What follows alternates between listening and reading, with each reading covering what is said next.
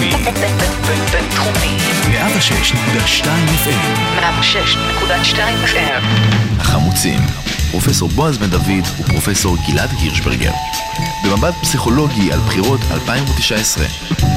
טוב, שלום לכולם, אנחנו החמוצים, החלק השלישי והאחרון של התוכנית של היום. אנחנו נמצאים באמצע יוני, אנחנו זה אני, פרופסור בועז בן דוד, פסיכולוג קוגניטיבי במרכז הבינתחומי בהרצליה, ואיתי פרופסור גלעד הירשברגר, פסיכולוג חברתי פוליטי, סגן דיקן בית הספר לפסיכולוגיה במרכז הבינתחומי. אוי, אנחנו מלהגים על הבחירות וחשבנו שגמרנו את חובתנו למדע ולאנושות פעם אחת, אבל הנה במועד ב', בפרקים הקודמים אתם מוזמנים להאזין להם אם אתם שומעים אותנו עכשיו כפודקאסט. ניסינו להבין איך הגענו לכאן ולנחש מה קורה, ואנחנו נמשיך קצת לנחש מה מתרחש עכשיו, אולי עם כמה נקודות קטנות של כל אחת מהן נקדיש לה חלק זמן קצר. ברשותך, אני רוצה שנתעכב קצת על הימין החדש. בואו נגיד על זה כמה מילים, אחר כך אני רוצה להתעכב קצת על כן מה שקורה בעבודה מרץ, כי אני חושב שזה מאוד מעניין, ולבסוף נגיד מילה אחת על רני רהב ועל uh, uh, הזילות שקיימת היום בתוכניות האקטואליה לרעיונות עם פוליטיקאים, מעיתונאים חוקרים רציניים, משמעותיים, שעושים שיעורי בית ומגיעים תחקיר ביד, ועושים אפילו אמבוש לביבי שלא קשה לעשות אמבוש. ל... איך הגעת מהימין החדש, דרך השמאל, לרני רהב? מה, הוא, זה, זה מעניין, אבל מה הוא קשור? המו- בסדר, בסדר. המוח שלי אני, אני הוא- זורם איתך. אפשר, אפשר. לקטר שנייה, אבל על זה ש... תקטר. אה, אתה יודע, זה קצת מרגיש כמו חייל מילואים שהיה במלחמה והודיעו לו שהמלחמה נגמרה, ועכשיו שוב פעם מגייסים אותו, כי כאילו, מה אנחנו עושים פה שוב? זה לא יכול להיות. אני, אני תכננתי אה, להיות בחופשה בקיץ, חשבתי לעשות משהו אחר, לא להיות איתך שוב באולפן רדיו. שלום למאזיננו. בסדר. אנחנו קודם כל, לא, צריך אנחנו, קצת לקטר, צריך קצת לקטר. אנחנו נאמנים לכם, אבל חייבים להודות שבחצות הלילה, באותו יום, אנחנו מקבלים אימייל ממנהלת התוכניות כאן ברדיו בינתחומי, אז אתם חוזרים? כן. ההצבעה הלכה. אז בואו נתחיל, אני רוצה להגיד משהו על, על, אני רוצה להגיד משהו על בנט. Uh, אני חושב שיש כאן עניין שקצת פוספס בבחירות האחרונות וצריך לדבר עליו. Uh, בנט ניסה לייצג בחוסר הצלחה, אבל ניסה לייצג בבחירות האחרונות גוש דתי-לאומי שלא היה לו ייצוג ואין לו ייצוג היום למעשה בכנסת הנוכחית, והוא גוש דתי-לאומי שאינו משיחי. והוא גוש דתי-לאומי מאוד ימני, אבל שרוצה אה, לבקר אצל הדוד החילוני בבית. אני, מה זה לא מסכים עם מה שאמרת אין עכשיו? שום בעיה, אין שום בעיה, אני מוכן. אני אגיד לך למה. רגע, אבל תן לי לסיים. אפשר לי להגיד לסיים. למה? לא, תן לי לסיים.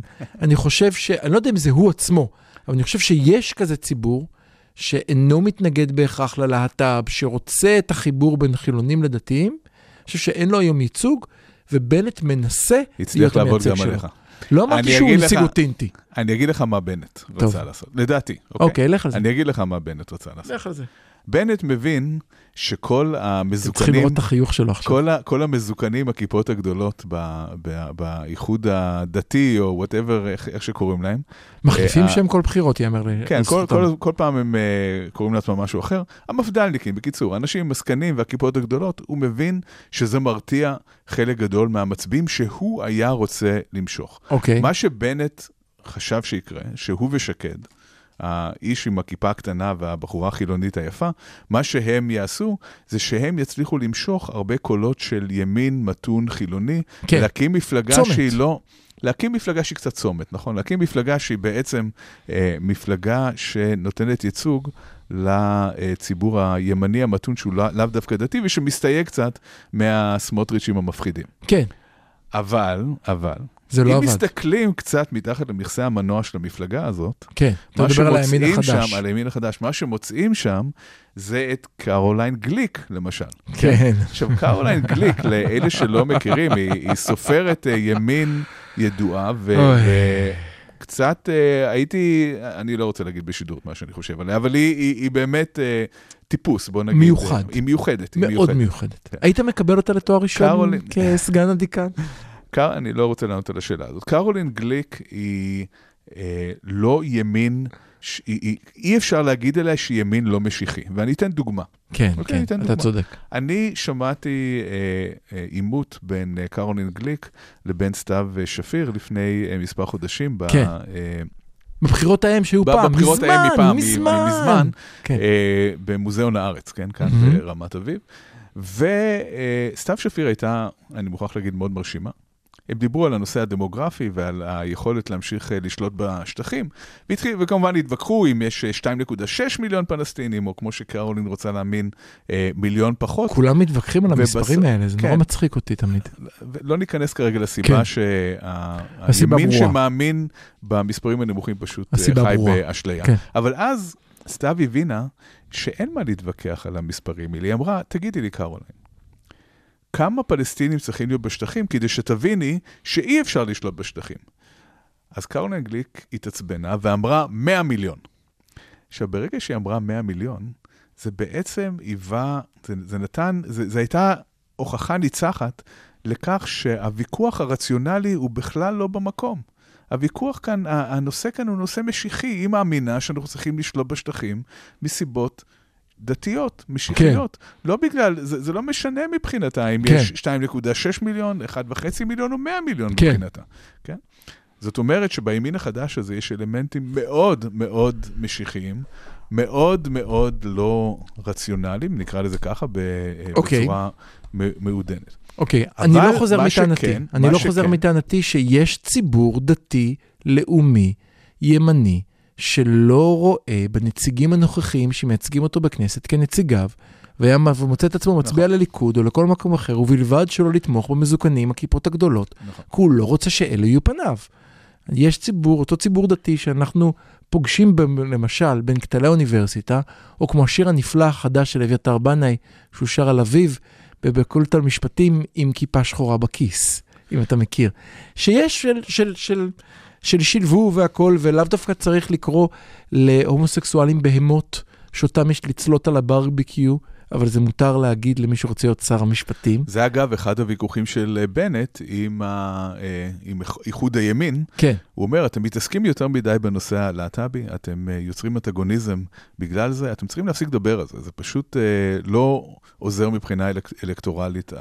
כן, אבל הם לא חושבים. אלקטורלית, זה, זה, זה, נכון, זה, זה משהו. שהוא, כמו שאמרת, דווקא זה צריך ערכי. להגיד לזכותם כן. שזה ערכי, כן, כן. זה, בזה הם מאמינים. אני באמת חושב שזה ערכי, זה לא, זה, להבדיל מבנט שאפשר להאשים אותו בכיף בניסיונות אה, להחליף אידיאולוגיה למה שמתאים, כאן האנטי-להט"ביות הוא חלק מסל הערכים שהמפלגה מייצגת ועומדת מאחוריו. נכון. כן, אה, כאן, אה, אגב, אה, אחת הסיבות שבנט לא הצליח, זה שעוד מישהו ניסה להתחר... להתחרות איתו על המשבצת הזאת. נכון, כן, פייגלין, נכון. מכל האנשים, הוא החליט שגם הוא הולך אה, לנסות למשוך אה, כל מיני צעירים, אה, שהם אולי ימין רך, ואולי אפילו לא ימין, אולי הם סתם אה, רוצים אה, אה, לגליזציה של אה, הוא, סמים. הוא לא לקח ו- קולות מ- מתל אביב, רואים את המספרים. נכון, אבל הוא לקח קולות של הימין. הוא לקח קולות מהתנחלויות המון, נכון, המון נכון, קולות נכון, נכון. נוער גבעות, הרבה נוער גבעות כן. הצביע לפייגלין, ואז מה, ש, מה שקרה זה שאי אפשר לקחת את הכמה מאות אלפי קולות שיש לימין הקיצוני יותר, ולחלק אותו למאה מפלגות. ברגע שזה זה יתפרס על כל כך הרבה מפלגות, הימין בעצם אה, הפסיד אה, קצת פחות מ... אה, זה היה קצת פחות מ-300 אלף קולות, אני חושב, אה, בסך הכל. זה היה 200 ומשהו אלף קולות שהימין הפסיד. סומך עליך. בגלל בנט, כן, זה משהו כזה, בגלל אה, אה, בנט ו, אה, פייגלין. ופייגלין. כן. אבל צריך לזכור עוד משהו מעניין. בעצם אני חושב שדבר נוסף שעשה בנט, ואני חושב שנצטרך לסיים עם בנט, לא, לא נסיים עם בנט, נעשה איזה ספין בסוף. אבל uh, בנט, אני חושש שאחת הטעויות שלו, הוא שניסה למקם את עצמו מימין לליכוד. עזוב, אני, בוא נדגיש שלבנט אין אידיאולוגיה, לצורך הדיון. בוא נגיד שרק האריזה היא אידיאולוגיה. בסדר? בנט הוא באמת מימין לליכוד. אני יודע, אבל אמרתי שבוא נגיד שרק האריזה היא אידיאולוגיה, ואין אידיאולוגיה בפנים. סתם כמשחק. כשהאריזה שלו היא אריזה של מימין לליכוד, הוא במקום מאוד מאוד צפוף. אני חושב שאילו בנט היה אורז את עצמו ב...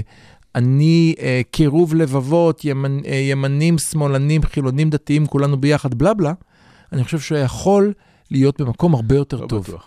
אבל, אבל זה לא היה מה. אותנטי מאוד, מה אתה אומר. שהסקרים מראים, זה שאם איילת שקד תעמוד בראש רשימה המאוחדת של הימין, כן, זה יקנה לה הרבה מאוד uh, קולות. זאת אומרת, כן. היא, היא המועמדת הפופולרית שם, היא באמת גם הכי חכמה והכי אידיאולוגית, אה, אולי הכי אטרקטיבית. אבל זה תהיה בעיה עם האידיאולוגיה שדיברנו עליה כרגע, אנחנו צריכים בסדר. להיות בעד אידיאולוגיה דתית ונגד אה, להט"בים. ושוב אנחנו חוזרים למשימה הגדולה של אה, נתניהו, וזה לאחד את השורות במקום הבעייתי הזה, שמצד אחד הוא מימין לליכוד, אבל יש שם הרבה מאוד הבדלים פנימיים והרבה מאוד חיכוכים אישיים, ויהיה לו פשוט לעשות את זה. ב- אבל מה נתניהו יודע? נתניהו יודע שהפוטנציאל האלקטורלי של הימין, שזה הליכוד פלוס המפלגות הדתיות והחרדיות, זה 68 מנדטים. כן. זה הפוטנציאל כן. האלקטור- האלקטורלי נכון. שקיים. כולל ליברמן, עם ליברמן עם בפנים. ליברמן. וזה אומר שאם מורידים את החמישה של ליברמן, אפשר לחצות את רף ה-61, כן. אבל זה מותנה בשני דברים.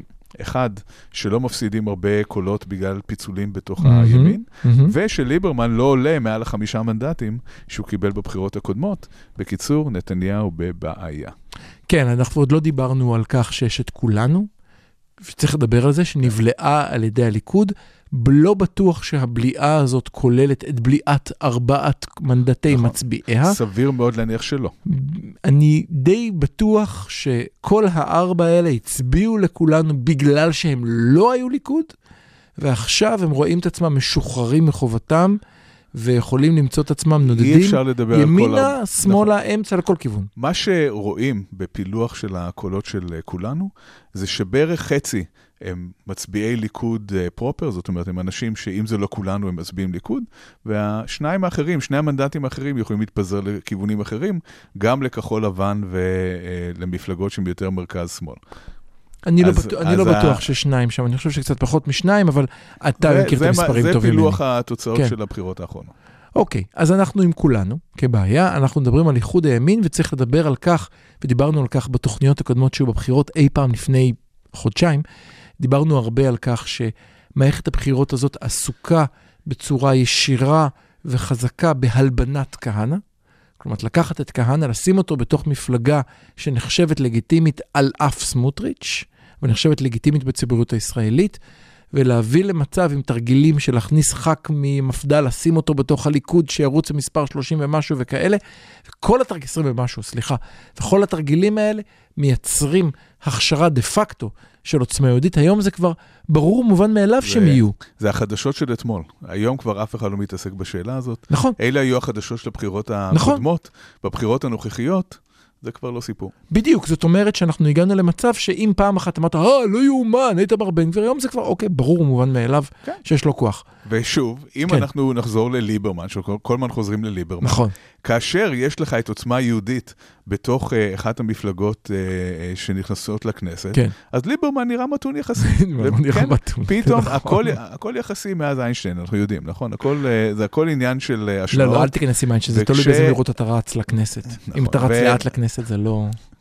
בועז הוא פיזיקאי, אה, דרך אגב, אז אה, כן, צריך להיזהר מדברים כאלה, אבל אה, אם מסתכלים באמת בהשוואה, אז ליברמן נראה מתון יחסית לאנשים המפחידים האחרים שנכנסו הפעם לכנסת. אני רוצה להגיד עוד שני דברים קצרים, כי אין לי הרבה זמן. דבר אחד קצר שאני רוצה להגיד, אני חוזר לשמאל, שאתה כל כך. אוהב. אה? לא, לפני רני רהב. נסיים ברני רהב, שיהיה שער טעם מתוק לסיום. אני רוצה להגיד דבר שאנחנו שוחחנו עליו הרבה בינינו, ואולי נדבר עליו כאן. ההכשרת עוצמה יהודית קרתה, אתה אומר, מערכת בחירות אחת. גם הכשרת ליברמן לקח למערכת בחירות. אני לא יודע אם אתה זוכר, הוא היה פעם מוקצה ולאט לאט הוא הוכשר. זה לקח זמן עד שהוא הוכשר. נכון. אנחנו שנינו חושבים ומסתכלים על המספרים שהדרך היחידה שאי פעם תקום כאן ממשלה שתהיה מרכז-שמאל ולא ממשלת אחדות, זה אם המפלגות שיבוא הערביות, המשיח. זה אם המפלגות הערביות יוכשרו. כרגע אין שום מספרים שיכולים להרשות לשום דבר לקרות בלי שהמפלגות הערביות יוכשרו, אפילו כגוש חוסם לממשלת אחדות, מה שלא יהיה, איך שלא תרצה לקרוא לזה. בועז עדיין חי בפנטזיות. זה מאוד יפה, הוא לא, הוא לא מוותר, הוא עדיין חושב שאיכשהו אפשר יהיה לרבע את המעגל הזה ולייצר יש מאין ממשלת מרכז-שמאל. אה, אני, אני מצטער, אבל, אני אבל והורס אין לזה, המזוודות, אין בלי לזה טיפ- שום התכנות, זה פשוט לא יכול ל- לקרות. ולמי שאינו מאמין, קשה מאוד השנה. היה מבקש ברכה ואתה אינך מבקש דבר, בוא, זוכר? בוא, אני, בוא אני אתן לך קצת נתונים, אוקיי? אתה לא נותן לי טוב, נו. תסיים משפט. לך על זה. אחד הדברים, ה... תכף, תכף, תכף, אני לא, מצטער. נגמרנו אל- על אל- השידור, אני אתן לך. תסיים את השידור חופשי, קח, קח את המיקרופון. לא, עכשיו מתחיל להעלב לי. לא, חופשי, תהיה ימני, ואני השמאלני המסכן. פה. נו כן, לך על זה. אני רק אגיד דבר אחד. חילונים, שמאלנים, מצביעים במספרים נמוכים. אוקיי? בהשוואה לימנים ובהשוואה במיוחד לחרדים. כל עוד המגמה הזאת נשמרת, גם במערכת אז- הבחירות הזו, אתה רוצה לומר לי שאחוזי ההצבעה בתל אביב, היו עזוב- נמוכים, בני היו ברק. נמוכים מהממוצע הארצי. עזוב בני ברק. כאילו, נמוכים גם בקל- מהממוצע גם בקלפיות, ה- הארצי. גם, עזוב, תל אביב היא גדולה. עזוב את, גם בקלפיות האלה של מרכז תל אביב, ברמת אביב, ככל שאתה הולך יותר. למעוזי שמאל, כך אחוזי הצבעה נמוכים יותר. מעניין. שמאלנים אה, אוהבים לבכות בבית, הם לא אוהבים ללכת להצביע. חרדים כולם הולכים להצביע. אף על פי שהיה אפילו עכשיו, את. היה אפילו עכשיו את גנץ, ותגיד, טוב, לא, לא באים פעם קודמת, כי לא היה פעם, היה מישהו שהאמינו שיכול לקחת. ולמרות זאת, אתה אומר, לא יצאו אחוזים נמוכים יותר בתל אביב. כן. כאן אה, יש משהו אחר שהוא מעניין, שסקרים לא מסוגלים לתפוס, אבל כן. הציבור, וזה אולי יחבר אותך לרני רהב, הציבור כן יכול אה, להרגיש אותו, וזה איזושהי אנרגיה, כן? כשאתה מסתכל על האנרגיה שיש, נגיד, סביב נתניהו, יש שם אנרגיה. יש אנשים שנורא נורא מתלהבים מהאיש הזה, שנורא תומכים בו. כן. אם מסתכלים על מה שקורה בשמאל, אנשים אומרים, טוב, אין ברירה, נצביע גנץ, נו, טוב, אנחנו... בגלל שאין אלטרנטיבה, בגלל שאין משהו אחר, אין שום התלהבות. ומאוד מאוד קשה לנסח בחירות, כשאין לך מישהו שמלהיב את הציבור. בלי אה. התלהבות, אתה לא יכול לכבוש את המדינה, לא יעזור שום דבר. וכאן אנחנו חוזרים למערכת הבחירות של ברק, שבה, אם אתה זוכר בפרק הקודם, סיפרתי לך על אותו רגע שבו הבנתי שברק ייקח, עצרתי, אז היו עושים צמתים, אתה זוכר? יצא מהצומת בן אדם, מהאוטו, הוריד את החליפה, לבש את החולצת ברק, לקח את שני ילדים, אותו מאיפה אתה, אמר, פשוט אה, קמתי מהבית, עצרתי, לקחתי שתי חולצות ושמתי את הילדים, כי חייבים שברק ינצח. ואני שמח שאתה אומר לא ברק, עכשיו. בגלל שגם היום, הבן אדם היחידי כן, נכון. שיכול, שיכול להכניס אנרגיה לציבור הליברלי בישראל, זה אך ורק אהוד ברק. הוא הבן אדם היחידי שיכול לעשות את זה. שעשה את יש הפליפ לו פלופ על הליכוד. והכל. יש לו הרבה מאוד בעיות, ואפשר uh, לזקוף לחובתו המון המון דברים שקרו במדינה. הזאת. אין, אין, ספק, כן? הוא לא היה ראש ממשלה טוב. אבל הוא הבן אדם היחידי שמסוגל לסחוף את הציבור השמאלני. היחידי. אין מישהו אחר כזה כרגע. טוב, אנחנו נאלצים לעצור, אה, וצריך להגיד... רגע, רני רהב. טוב, אז אנחנו, נס... אנחנו צריכים לעצור, אני רק, אה, אה, אתה יודע מה, אנחנו נעצור ונחזור לשלוש דקות על רני רהב. ומה שקורה. אז אנחנו החמוצים, מועד ב', חוזרים שנית, האימפריה, איך שתרצו. המשכנו קצת בלנתח לאן אנחנו הולכים, והסביר לי פרופסור גלעד הירשברגר בצורה שאינה משתמעת לשתי פנים, שאו שתהיה ממשלת ימין, או שתהיה ממשלת אחדות, ושאני יכול לארוז את המזוודות. תודה. החמוצים, פרופסור בועז בן דוד ופרופסור גלעד הירשברגר. במבט פסיכולוגי על בחירות 2019.